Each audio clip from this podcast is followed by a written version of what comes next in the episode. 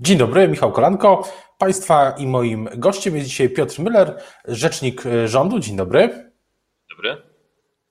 E, wczoraj politycy PiS informowali, że władze PiS zaakceptowały e, projekt e, Nowego Ładu, ale każdy kraj Unii Europejskiej musi do końca lutego, z tego co pamiętam, zaakceptować i wysłać do Komisji Europejskiej projekt właśnie Krajowego Planu Odbudowy. Więc pytanie, czy jest co tak celebrować, jeśli chodzi o akceptację tych wszystkich pomysłów?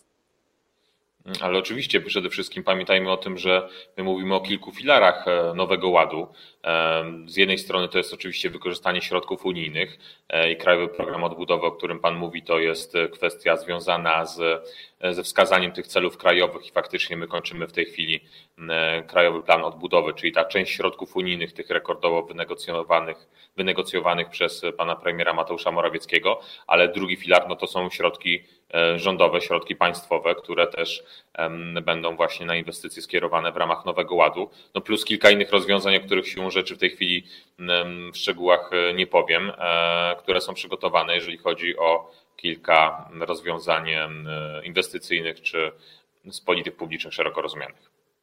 Czyli to nie jest tak, jak niektórzy e, dziennikarze zwracają uwagę, że, czy lekko szyderczo, że Prawo i Sprawiedliwość, czy rząd Zjednoczonej Prawicy dopisze inwokację do Y, Krajowego Planu Odbudowy i to jest nowy ład.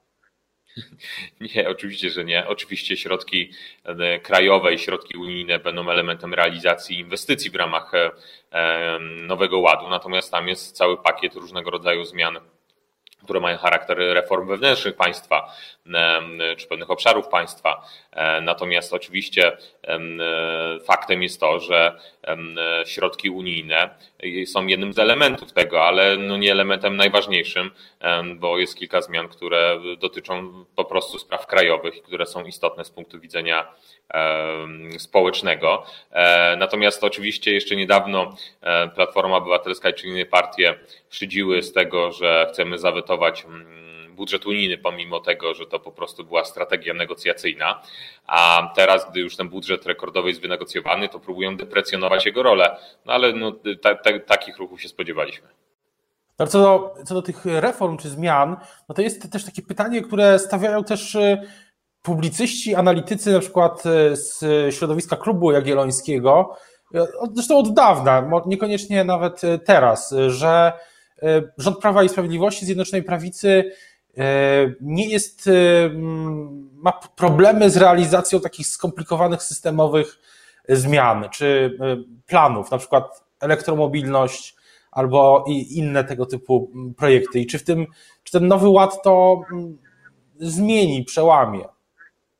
Oczywiście on częściowo będzie dokonywał korekt planów, które e, były do tej pory. Pamiętajmy o tym, że e, jesteśmy po roku, który jest największym kryzysem gospodarczym po II wojnie światowej. W związku z tym e, cały świat zastanawia się, w jaki sposób przemodelować gospodarkę, w jaki sposób użyć bodźców finansowych, bodźców inwestycyjnych, regulacyjnych do tego, aby wykorzystać ten czas po pandemii, bo on będzie zupełnie innym czasem niż jeszcze przed okresem lutego 2020 roku. W związku z tym to wymaga aktualizacji również podejścia do gospodarki i ta aktualizacja charakterze zasadniczym będzie właśnie przedmiotem nowego ładu. E, natomiast oczywiście wracając do SOR-u, bo strategia odpowiedzialnego rozwoju e, była realizowana w wielu obszarach. Oczywiście nie wszystkie się udało zrealizować e, w 100%, bo część z tych programów miała horyzont wieloletni, w związku z tym byliśmy w 2020 roku w środku e, tego cyklu. Natomiast fakty są takie, że dzięki strategii odpowiedzialnego rozwoju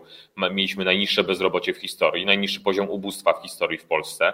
E, obniżyliśmy w stosunku do PKB zadłużenie państwa, co pozwoliło e, dać poduszkę finansową właśnie na uruchomienie tarcz antykryzysowych, tarcz finansowych w dobie kryzysu. Więc to są takie wymierne, twarde efekty strategii odpowiedzialnego rozwoju.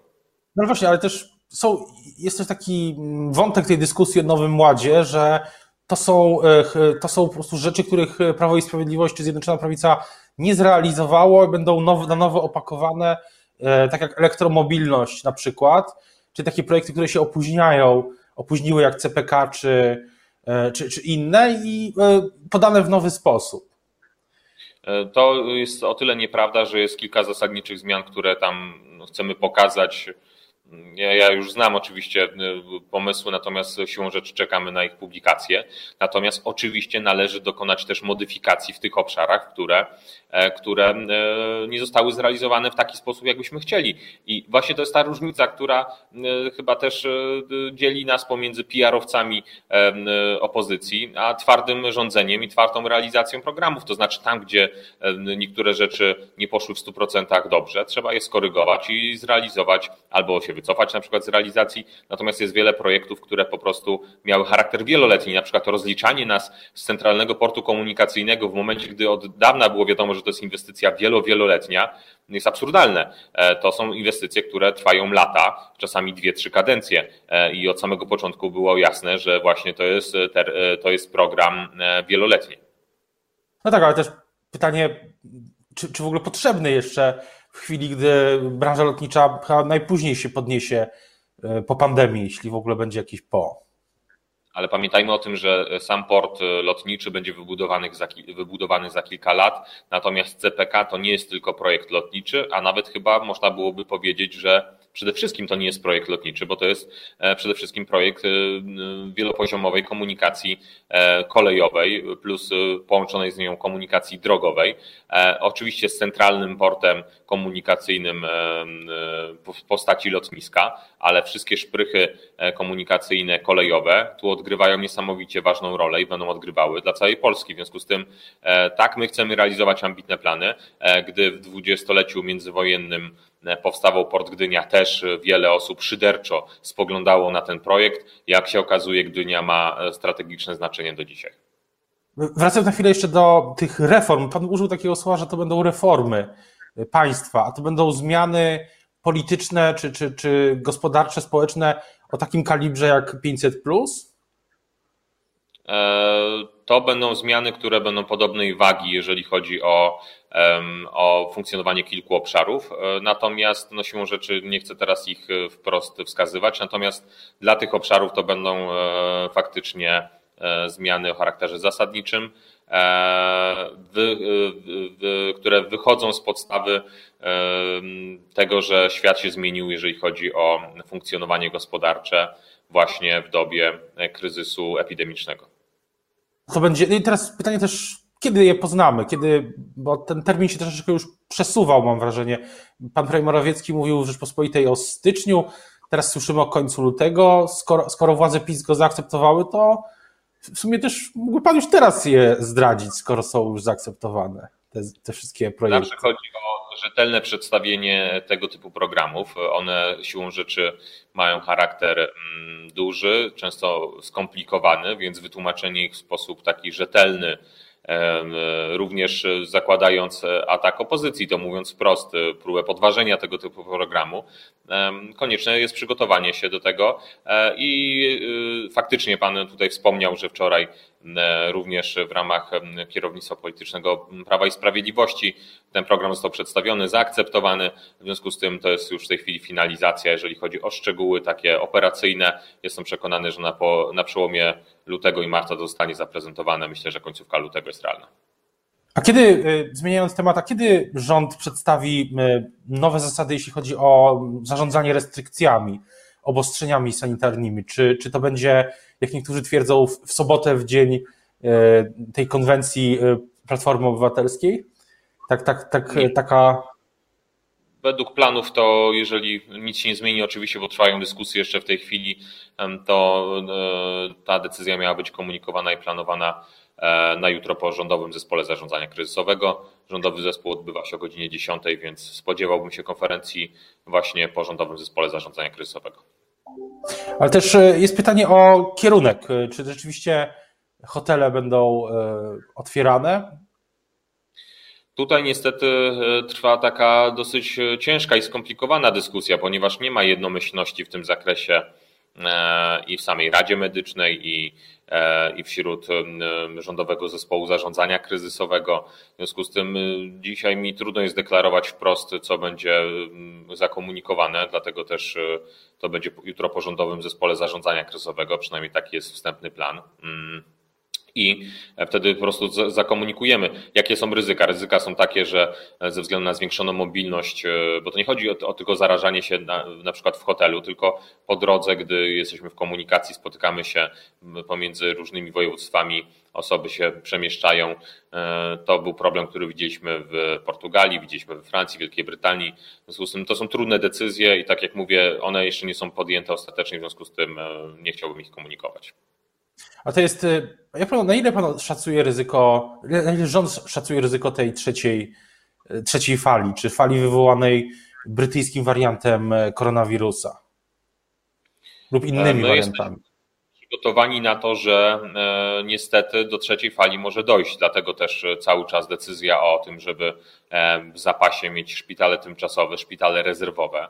E, opozycja nas za to krytykuje, natomiast gdy doszłoby do trzeciej fali, byśmy byli atakowani za to, że nie byliśmy gotowi. W związku z tym, tak jak inne państwa, wyciągamy wnioski i e, szpitale rezerwowe pod kątem e, zwiększonej liczby osób, które, które mogą zachorować, są gotowe. W związku z tym, my jesteśmy gotowi na to, że trzecia fala może nastąpić.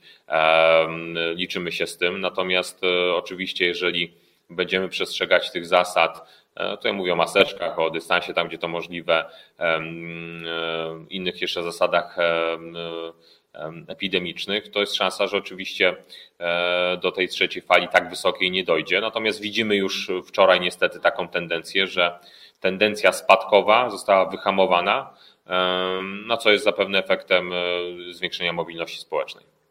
Czyli to wcale nie jest przesądzone, że liberalizacja tych zasad nastąpi. Tak taki obraz się rysuje sytuacji.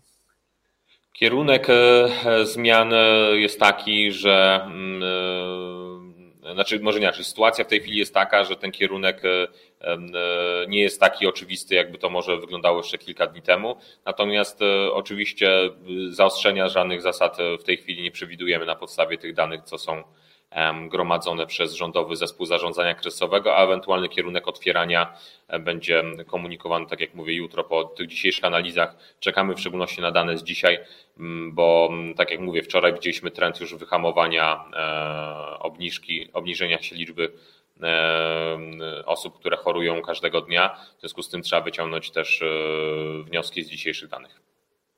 Y, też chciałbym zapytać o y, inny temat y, polityczny. Sam pan mówił w tym tygodniu, że Sejm czeka jeszcze debata o aborcji, ale wydawało mi się, że Prawo i Sprawiedliwość już stwierdziło, że żadnych projektów ustaw po wyroku TK nie będzie.